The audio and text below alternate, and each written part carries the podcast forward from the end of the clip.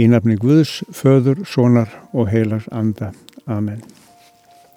Fjallræða Jésu í upphafi Mattiðusa Guðspjáls er sapn orða hans um Guðsríkið og verk þess meðal manna.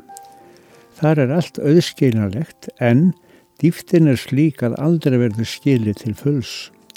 Sumt í fjallræðinni virðist við fyrstu sín vera þversagnir en aðeins með íhugun og auðmygt upplýst það dásamlega. Þannig er það með biblíuna. Lindardóminn þarf að marglesa og lifa með. Uppa fjallaræðunar, sælubóðin kunnu, eru einmitt þannig en innihalda endalösan sannleika og dýft. Heyrum þau orð úr 5. kapitúla Mattiðusa Guðspjáls. Jésús sagði, Sælir eru fátækir í anda því að þeirra er himnaríki.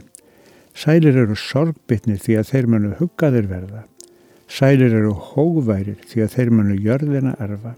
Sælir eru þeir sem hungrar og þistir eftir réttlætinu því að þeir munu sattir verða.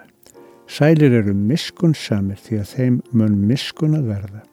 Sælir eru hjartarheinir því að þeir munu Guð sjá.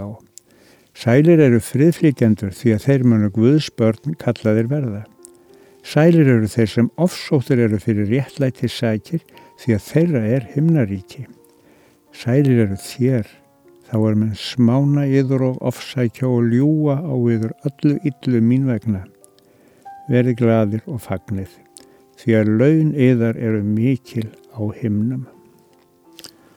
Svo margur þau orð, en byggjum nú og segjum í Jésu nafni, miskunnsami frelsari Jésús Kristur lofað sé þitt heilaga nafn og þau orð sem þú hefur okkur gefið með fyrir heitunum um að þú ert alltaf hjá okkur. Kendu okkur að skilja lindardóma þína. Blessaðu okkur þegar við leggjumst til kvildar að loknum degi. Gef okkur djörfung og vilja til þess að vinna þín verk þegar við vöknum að morgni. Við byggjum þig fyrir þeim mörgu sem ekki eru sæl. Gef þar auðmygt og miskun sem ég opna þú augu okkar fyrir því hvernig við gætum þar orði vittnesburður um þína gæsku. Blessa þú börn okkar og afkomendur.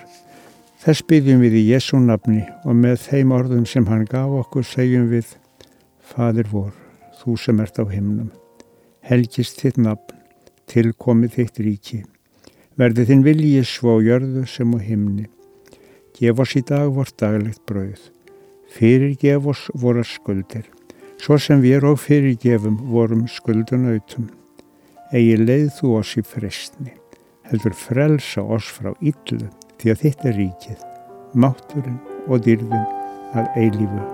Amen.